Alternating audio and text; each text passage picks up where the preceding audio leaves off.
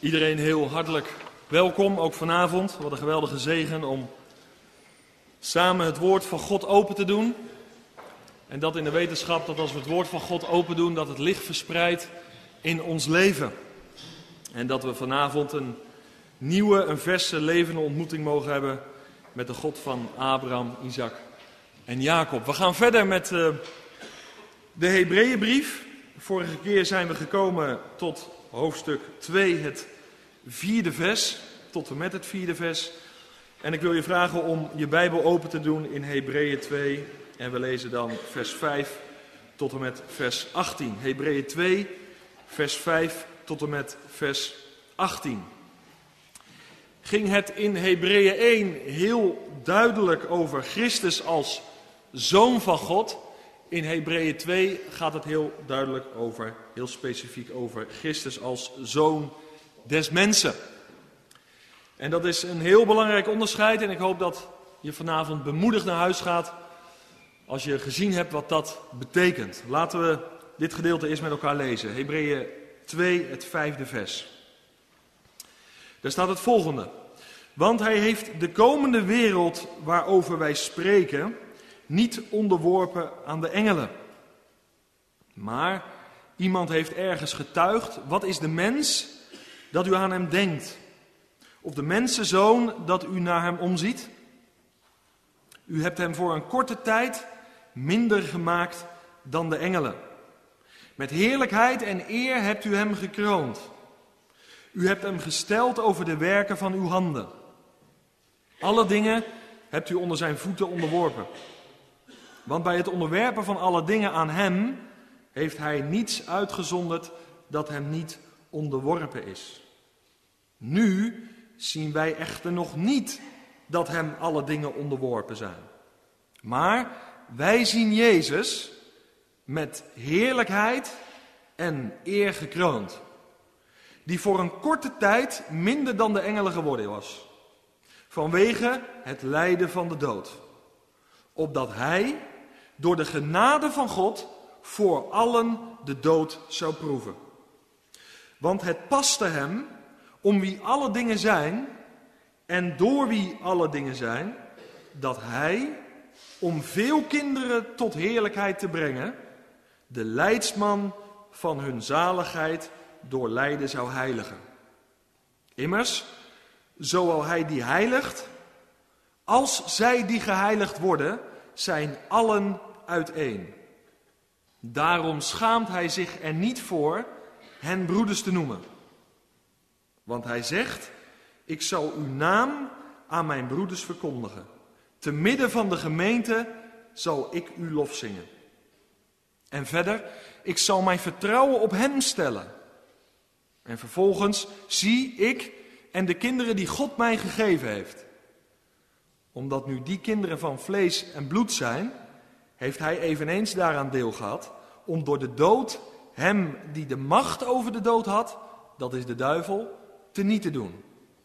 En allen te verlossen die door angst voor de dood gedurende heel hun leven aan slavernij onderworpen waren. Want werkelijk, hij neemt de engelen niet aan, maar hij neemt nageslacht van Abraham aan. Daarom moest hij in alles aan zijn broeders gelijk worden. Opdat hij een barmhartig en een getrouw hoge priester zou zijn in de dingen die God betreffen. Om de zonde van het volk te verzoenen. Want waarin hij zelf geleden heeft, toen hij verzocht werd, kan hij hen die verzocht worden te hulp komen. Tot zover. Een indrukwekkend gedeelte wat we hebben gelezen. Vanavond dus heel specifiek Christus als zoon der mensen.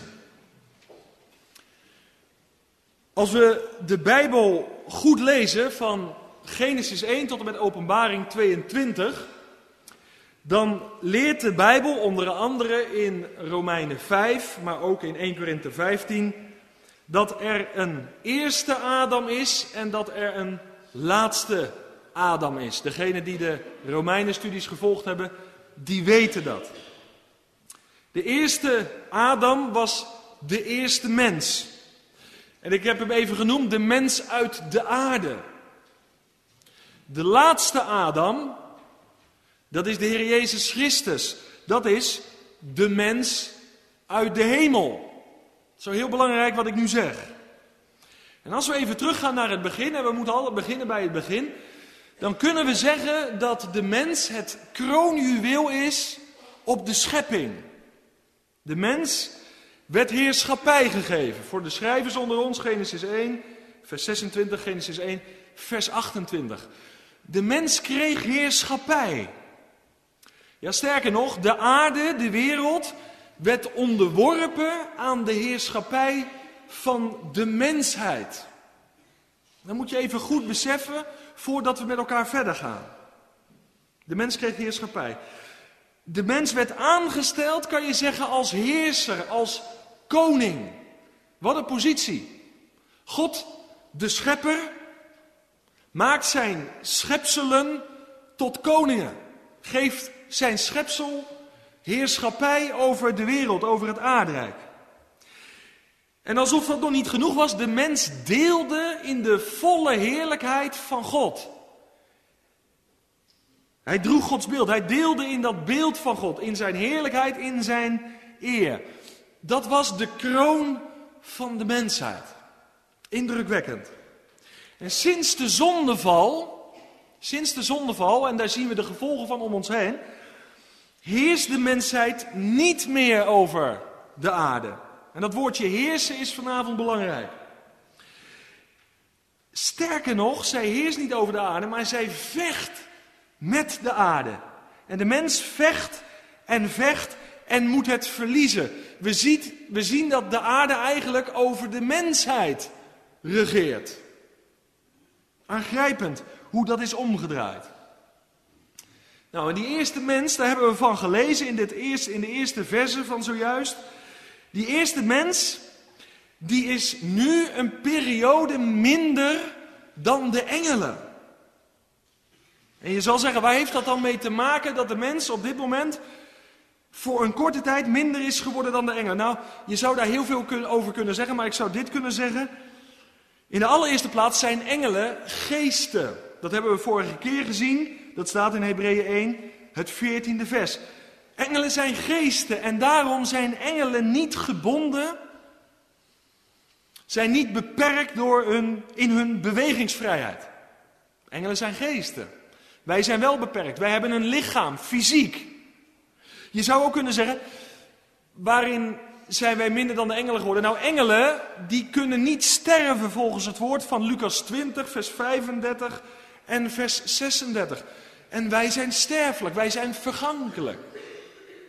Dat geldt voor de eerste mens. Een weinig minder dan de engelen. Dat heeft onder andere met deze dingen te maken. Maar nou de laatste mens, ook van hem staat geschreven van de Heer Jezus, dat hij een korte tijd minder dan de engelen geworden is. Vers 9a. En waar heeft dat dan mee te maken? En dat is zo interessant vanavond. Dat heeft alles te maken volgens dit tekstvers met het lijden en sterven van de Heer Jezus. Er moest een offer gebracht worden. Er moest een schuld betaald worden. En daarin zie je de heerlijkheid van Christus tegelijkertijd.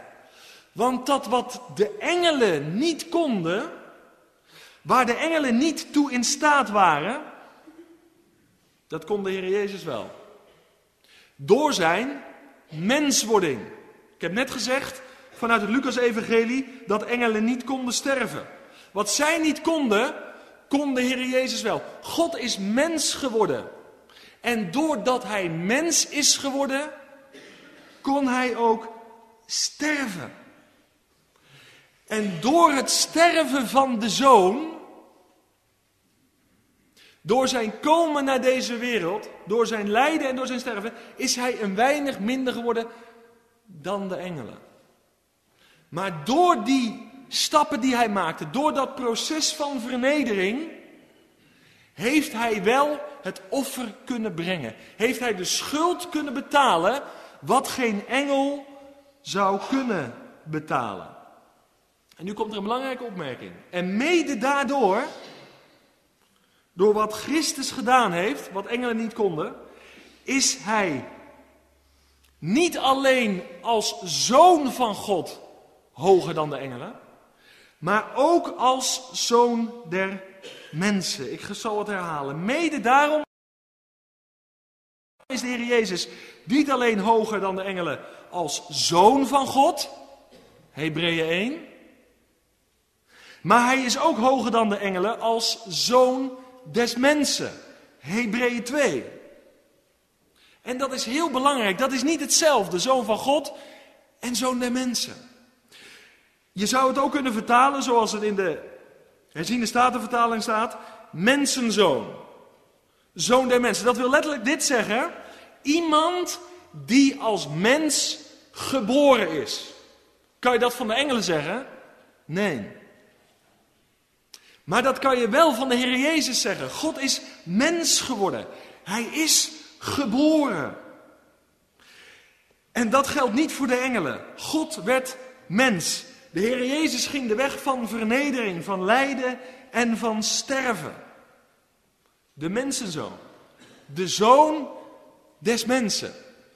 Maar hij is ook, luister goed, als zoon des mensen verheerlijkt. Hij is ook als zoon des mensen verhoogd. Denk aan zijn opstanding, denk aan zijn hemelvaart, denk aan het zitten aan de rechterhand van de Vader. Als zoon der mensen. Ik hoop dat je dit pakt, want dat is heel wezenlijk. Zoon van God is iets anders als zoon des mensen. Een korte tijd minder geworden vanwege zijn lijden en sterven. Om jou en mij te redden en om ons te laten delen in zijn heerlijkheid. Maar daar kom ik zo nog op. Dan ga ik een stapje verder. Want bij de regering van de huidige wereld, de wereld waar jij en ik in leven, de beschaving waar wij mee te maken hebben, het aardrijk, de bewoonde wereld.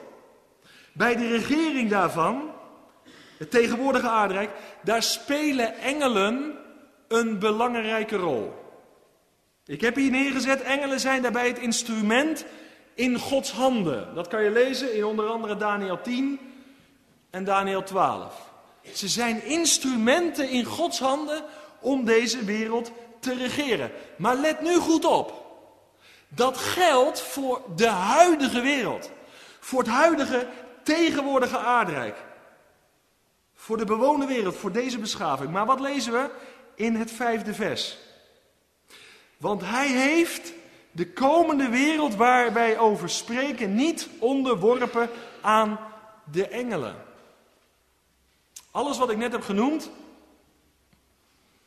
korte tijd minder, dat komt allemaal als een citaat van David uit Psalm 8, kan je allemaal nalezen. Maar waar ik nu naartoe wil, is dat we te maken hebben met een komende wereld en met een tegenwoordige wereld. In de tegenwoordige wereld hebben de engelen een belangrijke rol als het gaat om de regering. Maar hier staat dat de komende wereld niet onderworpen is aan de engelen. Je moet me vanavond goed blijven volgen en even in je hoofd vasthouden dat de mensheid heerschappij had gekregen aan het begin. Genesis 1, vers 26, Genesis 1, vers 28. Heerschappij. Maar we zijn het kwijtgeraakt. Maar God gaat aan op het herstel van alle dingen. En daar heeft die komende wereld mee te maken. De toekomstige wereldorde. En nou wordt het interessant. En ik ben erg enthousiast geworden over dit gedeelte. Zo mooi. Zo mooi. Aan wie was deze brief geschreven? Aan de Joodse gemeenschap. Aan Joodse mensen. Voor hen waren de engelen van groot belang, want God had via de engelen zijn wet gegeven, waar of niet? En toch is de Heer Jezus hoger dan de engelen, als zo van God. In de huidige wereld hebben de engelen een belangrijke rol als het gaat om het regeren van deze wereld. Maar als je Joodse mensen hoort spreken tot op de dag van vandaag over de komende wereld, dan verbinden zij die komende wereld altijd aan het Messiaanse vrederijk. En dat is interessant. Want als de tegenwoordige wereld mede geregeerd wordt door de engelen, maar de komende wereld niet aan de engelen is onderworpen, het Messiaanse vrederijk is niet aan de regering van engelen onderworpen, dan is een interessante vraag, aan wie is de komende wereld dan wel onderworpen? En dat is zo bijzonder. Dat is zo mooi.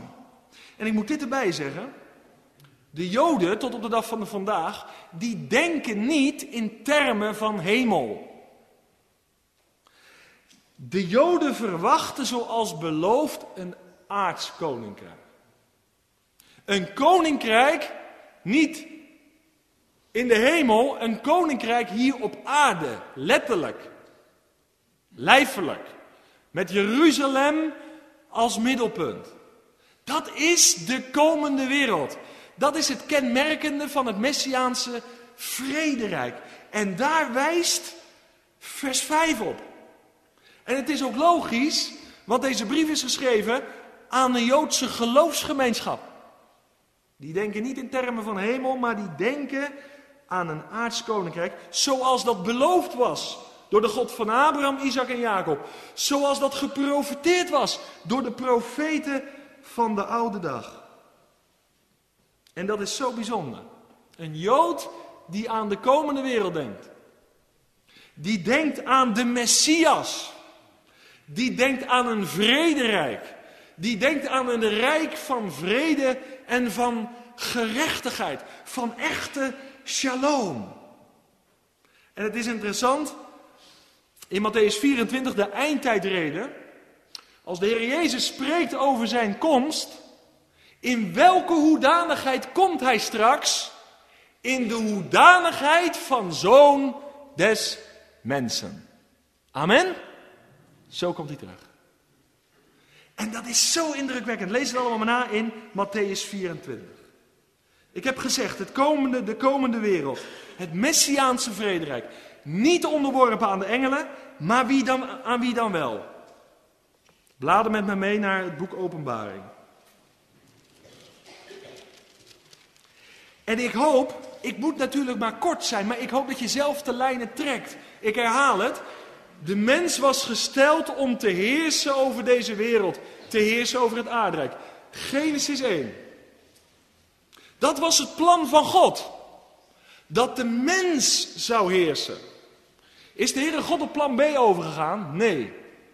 Hij is nog steeds bij zijn plan. En de Heere God werkt aan op het herstel van alle dingen. Aan wie is de komende wereld wel onderworpen? Openbaring 3. Wat staat daar? In vers 21. Wie overwint, zal ik geven met mij te zitten op mijn troon. Zoals ook ik overwonnen heb en mij met mijn vader op zijn troon gezet heb. Gezet. Wie oren heeft, laat hij horen wat de geest tot de gemeente zegt. Bladen verder naar openbaring 20. Aan wie is de komende wereld? Waarover Hebreeën 2 spreekt, onderworpen. Aan de engelen? Nee. Openbaring 20, het vierde vers. En ik zag tronen en zij gingen daarop zitten. En het oordeel werd hun gegeven. En ik zag de zielen van hen die onthoofd waren om het getuigenis van Jezus. En om het woord van God, die het beest en zijn beeld niet hadden aanbeden. En die het merkteken niet ontvangen hadden op hun voorhoofd en op hun hand. En zij werden weer levend. En gingen als koningen regeren met Christus duizend jaar lang. En dit is zo bijzonder. Dankzij het werk van de Heer Jezus, als zoon der mensen, heeft God een fundament gelegd om te komen tot het herstel van alle dingen. Dat wil zeggen dat het plan wat God had voor de mensheid in Genesis 1, om Hem te laten heersen, dat dat aan het einde weer helemaal terugkomt. En dat vind ik zo indrukwekkend. Want dan zullen wij heersen ook over de engelen. En dat is het plan van God.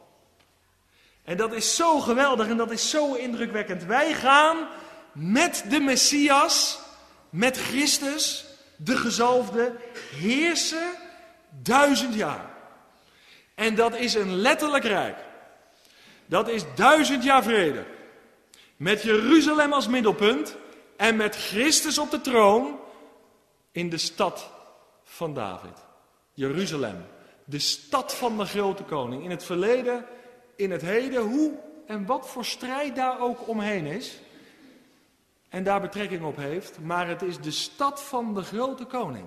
En vanuit die stad gaat God zijn vrederijk besturen. En Jeruzalem zal worden het centrum van de wereldregering. En wij zullen met Christus gaan heersen. Duizend jaar. Handelingen 3, vers 19 voor de schrijver. Schrijf maar op. God werkt aan op het herstel van alle dingen. En waar heeft dat mee te maken? Dat hij alle dingen gaat brengen onder de heerschappij van zijn zoon. En bij die heerschappij, in die heerschappij, zijn wij als gelovigen betrokken. God komt uiteindelijk weer tot zijn oorspronkelijke scheppingsdoel. En dit had even de moment geweest om te zeggen: Halleluja, prijs de Heer. Zo indrukwekkend.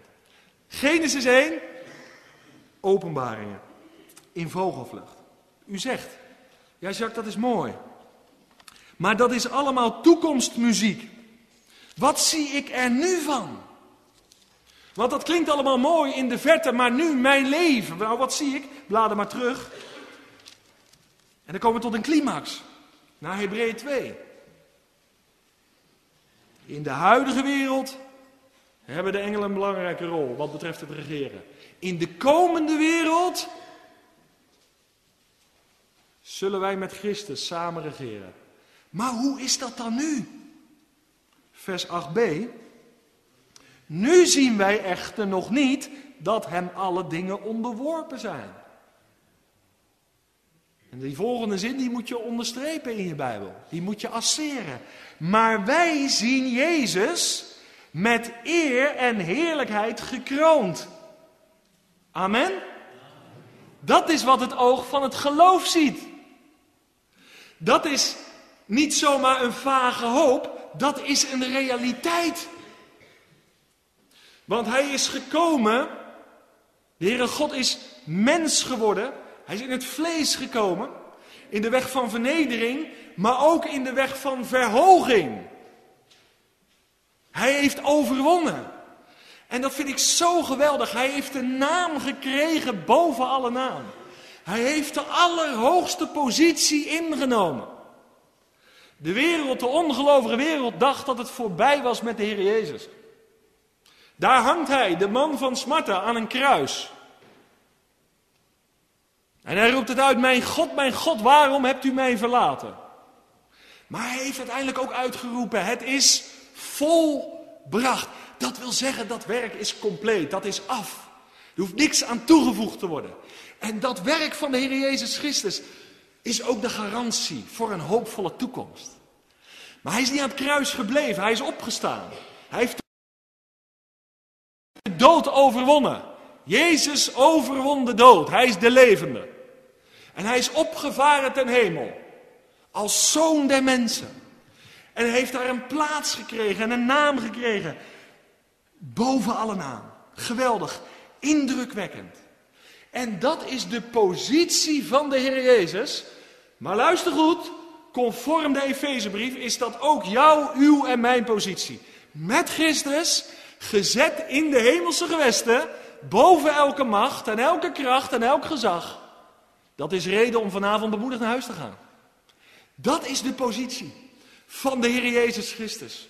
En weet je, je moet leren om verder te kijken dan je geestelijke neus lang is. Want wij zien Jezus met eer en heerlijkheid gekroond. En dat komt omdat onze ogen open zijn gegaan, dankzij de genade van God. En wij zicht hebben gekregen op de plaats die Christus heeft ingenomen. En broeders en zusters, de plaats die Christus heeft ingenomen, dat is de positie waarvan uit wij mogen leven. Is dat rijk of is dat rijk? Dat is geweldig rijk. En de plaats die Christus nu inneemt, daar ontleen ik mijn hoop aan. Daar ontleen ik mijn verwachting aan. Want in de Heer Jezus zie ik heerlijkheid. In Hem als koning. Nee, ik zie aan de ene kant heerlijkheid in Hem als het lam van God dat de zonde van de wereld wegneemt. Maar tegelijkertijd zie ik in diezelfde heiland de leeuw uit de stam van Juda. Die zou komen als koning der koningen en de Heere der heren. In hem ziet het oog van het geloof, en daar klem ik me aan vast. In hem ziet het oog van het geloof alles. Alles aan hem is gans begeerlijk. En mag ik nou eens vragen aan je? Leef jij nou, leeft u nou alsof Christus nog in het graf ligt? Of leeft u, leef jij als iemand die leeft met een levende heiland? Paulus die zegt het, opdat ik hem ken. In de kracht van zijn opstanding. Kijk, dan is het interessant om met God te leven. Hij is de levende. En omdat hij leeft, heb ik vanuit de Hebreeën 1 gezegd, spreekt hij ook. Heb ik levend contact met hem. En weet ik waar hij nu is. En hij wacht op het zijn van de Vader, totdat hij mag gaan komen. Tot de zijn. Is dat indrukwekkend of niet? En weet je, heel veel mensen zijn kortzichtig. Maar wij zien Christus met eer en heerlijkheid gekroond. Hij die is, hij die was en hij die komen zal. God laat ons terugkijken in zijn komen naar het aarde als zoon der mensen. In zijn komen naar de aarde als zoon der mensen. Maar hij laat ons ook vooruitblikken. En dat vind ik nou zo geweldig aan het woord van God. We mogen kijken naar het verleden. We mogen vertrouwen op God in het heden. En we hebben verwachting voor de toekomst. Alles is onder zijn beheer. Wij zien Jezus. Met eer en heerlijkheid gekroond. En misschien is dat wel een tekst die je vanavond uit moet printen. En boven de deur van je slaapkamer moet hangen. In de moeilijkheden van het leven misschien. Misschien ga je gebukt onder zorgen en noden of wat dan ook. Maar dit is de realiteit waar we uit mogen leven. En broeders en zusters, daar moet je niet alleen naar kijken en zeggen, nou ja, laten we maar hopen dat het zo is. Daar moet je in gaan staan en daaruit gaan leven. En dat is een keuze. Waar kijk je naar? Ik kijk naar Jezus, niet als de man die nog aan het kruis hangt. Maar ik kijk naar hem als de opgestaan. Die zit aan de rechterhand van de Vader. Met eer en heerlijkheid gekroond. En daarom heb ik hoop. Daarom heb ik verwachting. En daarom ga ik niet met een lang gezicht door het leven, maar zoals Corrie ten Boom zei, met een rond gezicht. Want het allerbeste, zei ze, dat komt nog. En dat heeft alles te maken met de positie van de Heer Jezus Christus op dit moment. Indrukwekkend. Ik zie Jezus. Bent u de enige dan die het ziet? Er zijn er velen met u. Maar het overgrote deel ziet het niet. Maar er komt een dag. Nu ziet het oog van het geloof het. Maar er komt een dag dat elke knie zich voor hem gaat buigen. En dat hij niet alleen koning is al in mijn hart, maar dat hij zijn koningschap aan publiek gaat aanvaarden. Vandaag is hij koning, is hij heer, is hij curios in het hart van de gelovigen. En hebben wij dat heerlijke vergezicht op hem.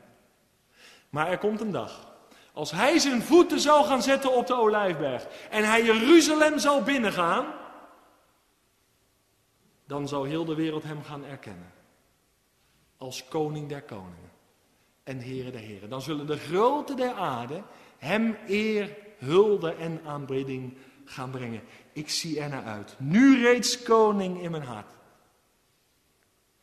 Leef dan ook als een koningskind vandaag. En leef als een kind van het komende koninkrijk. Wees een ambassadeur van het koninkrijk dat komt. En wat een genade dat we onze knie hebben gebogen. Maar straks zal hij aan publiek verschijnen. Als koning der koningen en heer der heren. En nu gaan we wat stapjes verder vanaf vers 10.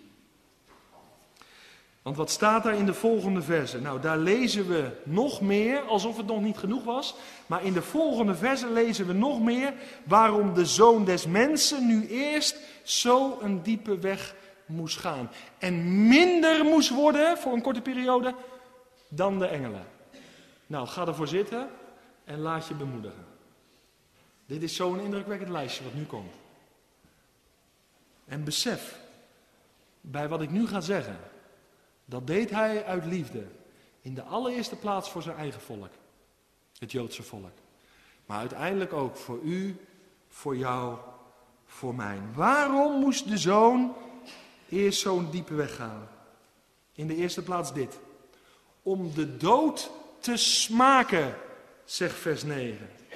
Om het offer te brengen, de schuld te betalen, zodat u, jij en ik de dood niet meer zullen smaken.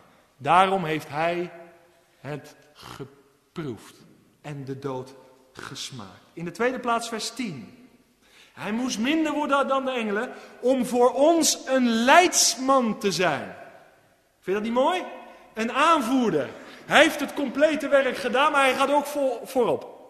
We mogen zien op de overste leidsman en ook op de voleinder van ons geloof.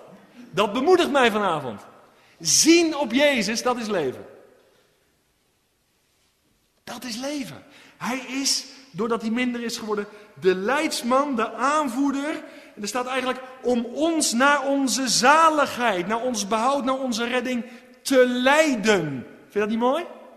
Hij is te weg gegaan, heeft de schuld betaald, het offer gebracht. En hij leidt ons naar het heil, naar de volle zaligheid, naar de heerlijkheid, vers 10. Hij werd minder dan de engelen. Om ons te rechtvaardigen. Dat wil dit zeggen, om ons in de rechte verhouding tot God te stellen.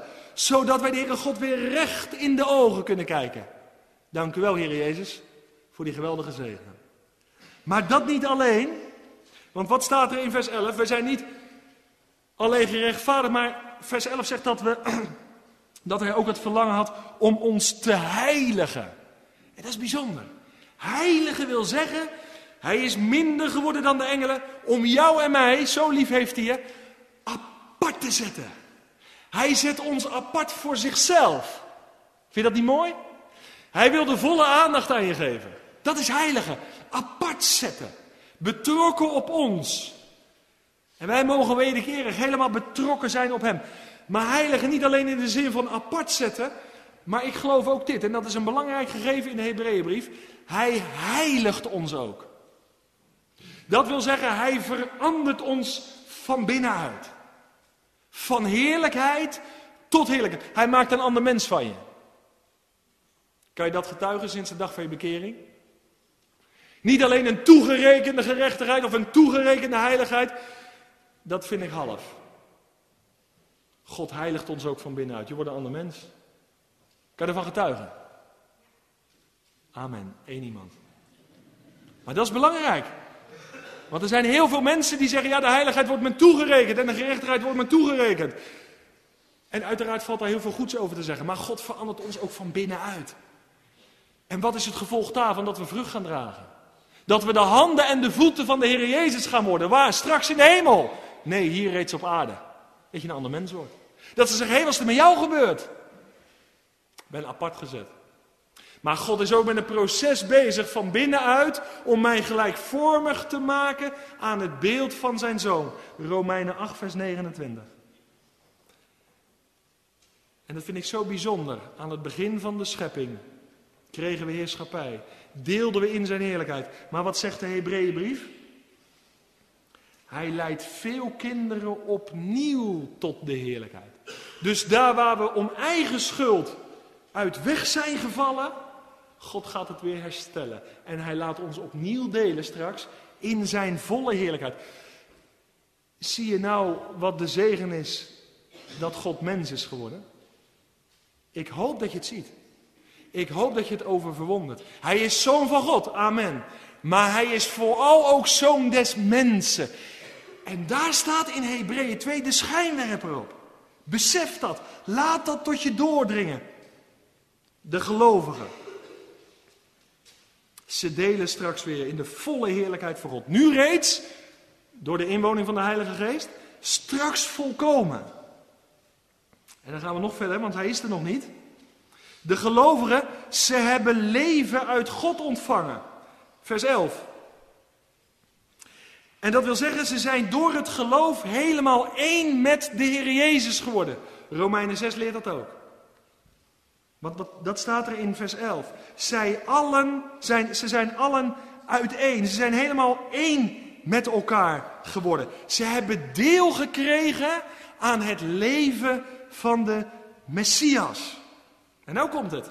En daarom schaamt hij zich niet om hen broeders te noemen. Dat is een intieme verhouding of niet? Hij schaamt er niet. Maar de zin, zij zijn allen uiteen, wil ook dit zeggen. Ze hebben allemaal dezelfde vader. We hebben dezelfde vader als de Heer Jezus Christus. God de Vader is de vader van de Heer Jezus en hij is onze vader. Wij zijn allen uiteen. Zie je de intimiteit? En dat is tot stand gebracht doordat de Heer Jezus mens is geworden. We hebben één en dezelfde vader. En hij schaamt zich niet om ons broeders te noemen. En dan de versen 12 en 13. Dat zijn citaten uit Psalm 22 en Jezaja 8. En daar wordt die bijzondere eenheid waarover ik net sprak, die gemeenschappelijke vader, dat wordt daar verder uitgewerkt, toegelicht. Want wat staat er? Ik zal uw naam aan mijn broeders verkondigen. De Heer Jezus, hij verkondigt de vadernaam. Zo indrukwekkend. Hij verkondigt de naam van zijn vader onder de broeders. Wie zijn dat? Dat is in de eerste plaats zijn dat de broeders naar zijn vlees. De Joodse mensen, de Joden. Maar uiteindelijk ook die vadernaam verkondigen aan de heidenen. Ik vind het zo bijzonder dat de Heer Jezus op een gegeven moment in zijn omwandeling op aarde zegt: Wie mij gezien heeft, die heeft de Vader gezien. Jezus is de openbaring van wie de Vader is. En hij verkondigt de naam van de Vader. En wat geldt nou? De Hebreeënbrief is echt de brief van het nieuwe verbond. Wat geldt nou voor het nieuwe verbond? Dat jij en ik, door de genade van de Heer Jezus Christus, God onze Vader mogen noemen. En dat wij door de Heilige Geest dat mogen zeggen. Abba, Vader. En die naam verkondigt hij. Die naam predikt hij onder zijn broeders, Jood, de broeders naar het vlees, en de heidegelovigen. En wat staat hier, en dat is heel belangrijk. Te midden van de gemeente zal ik u lof zingen. Uiteindelijk komen we tot aanbidding voor de koning. Door al die zegeningen. God is mens geworden. En dan gaat hij verder, vers 13. Ik zal mijn vertrouwen op hem stellen. En dat wil zeggen, de zoon des mensen, zelfs de zoon des mensen vertrouwde op God. En hij is daarin een voorbeeld en een boegbeeld voor Gods kinderen. Want de kinderen van God, uit Jood en Heiden, zijn door de Vader aan de Zoon gegeven. En hij laat zien, de Heer Jezus Christus, dat hij zijn vertrouwen stelde op zijn Vader en geeft daarmee een voorbeeld aan u, aan jou en aan mij. Wat een zegeningen. En ik moet het maar aanstippen omdat het zoveel is. Maar hier delen wij in door de kracht van de Heilige Geest. Door de inwoning mogen wij Abba, Vader zeggen. We kunnen ze bijna niet op de zegeningen van het nieuwe verbond. En alsof het nog niet genoeg is, vers 14 en vers 15. Want als je vanavond zegt, ik ben tot wedergeboorte gekomen. Ik ben tot bekering gekomen. Dan mag je vanavond zeggen dat je vergeving van je zonde hebt. Dan mag je vanavond zeggen dat de Heilige Geest in jou is komen wonen. Dan mag je vanavond getuigen dat je uitzicht hebt op het eeuwige leven. Verkeren in de eeuwige nabijheid van God. Maar, misschien zegt er iemand vanavond.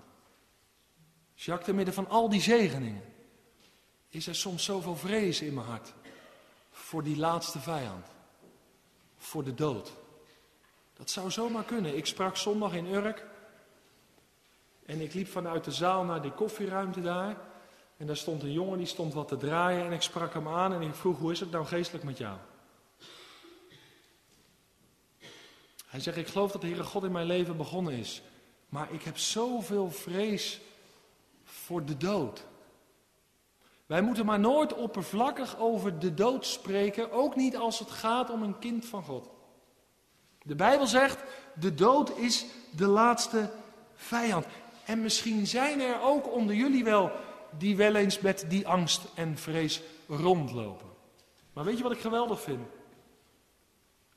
De Heer Jezus, Hij is mens geworden.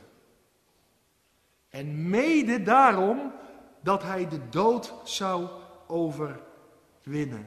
Want de dood, lieve mensen, is het gevolg van de zonde. De dood hoort niet bij het leven, zoals heel veel mensen zeggen. De dood is het gevolg van de zonde.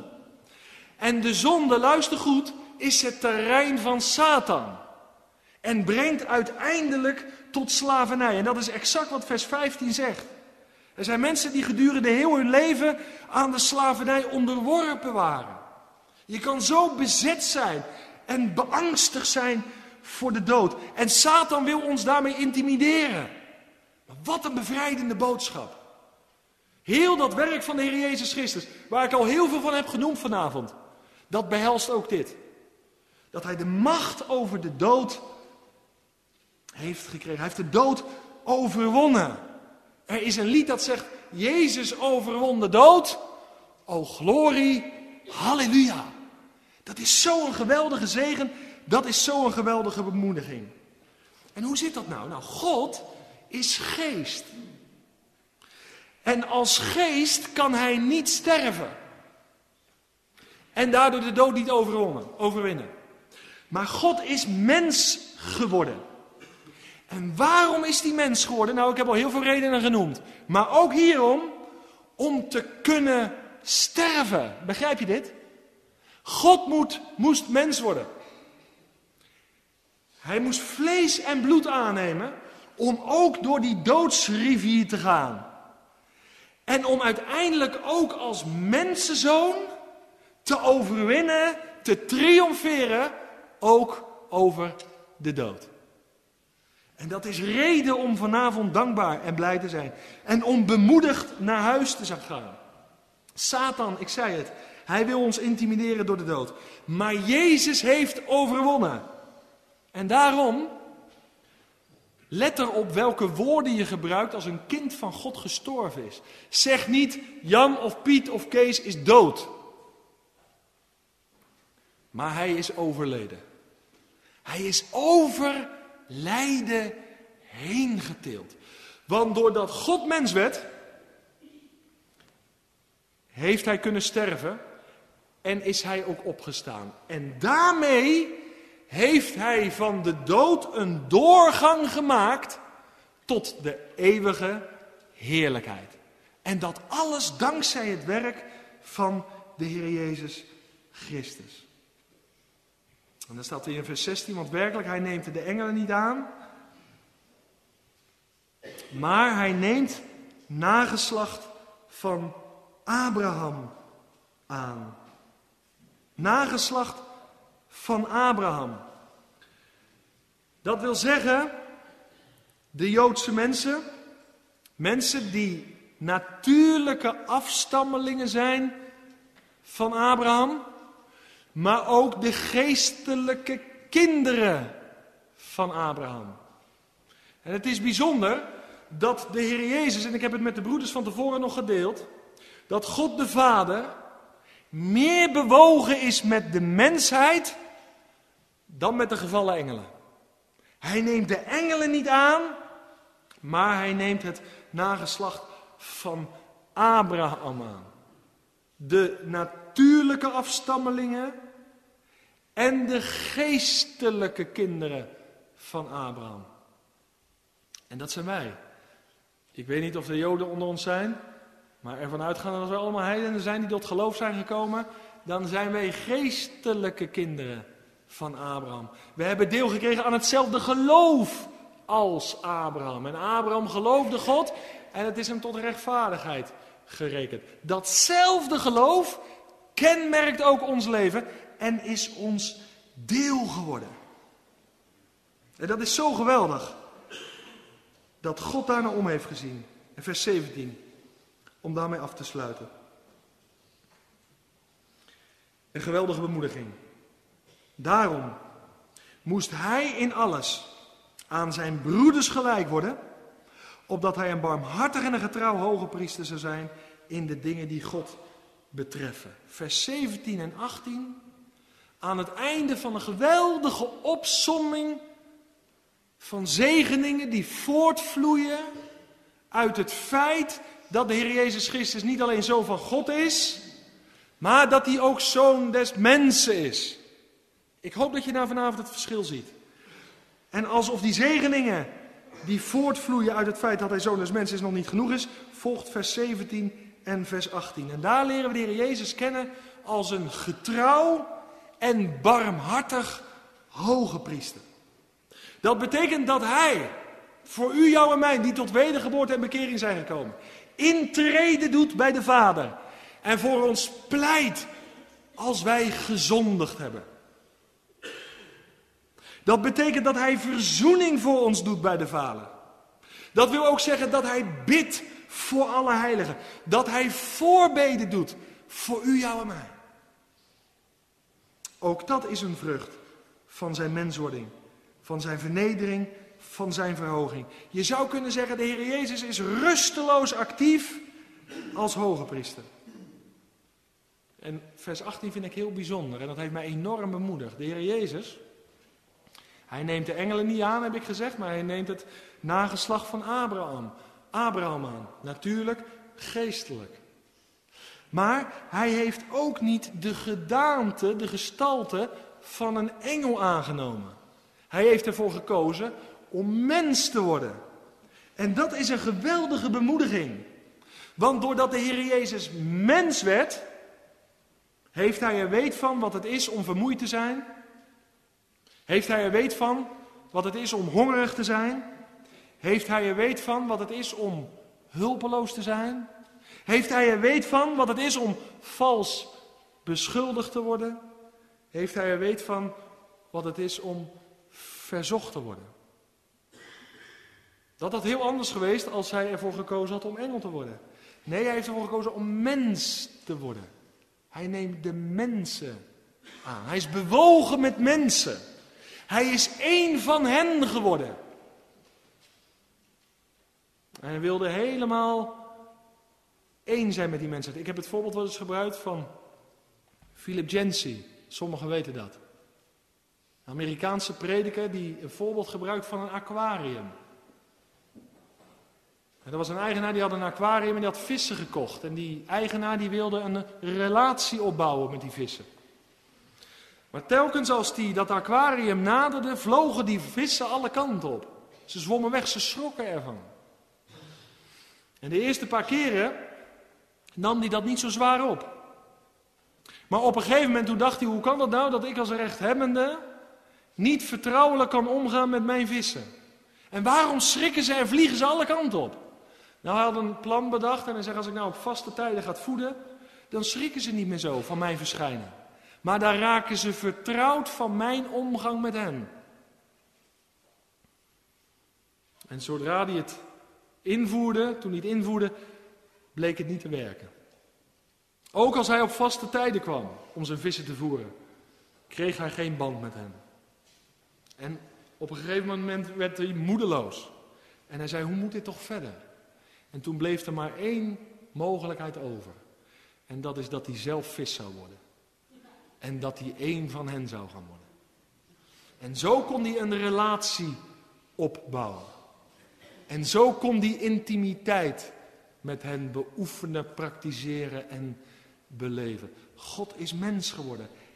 Geen engel geworden. Hij heeft ervoor gekozen om mens te worden. Ons in alles gelijk geworden. Uitgenomen de zonde.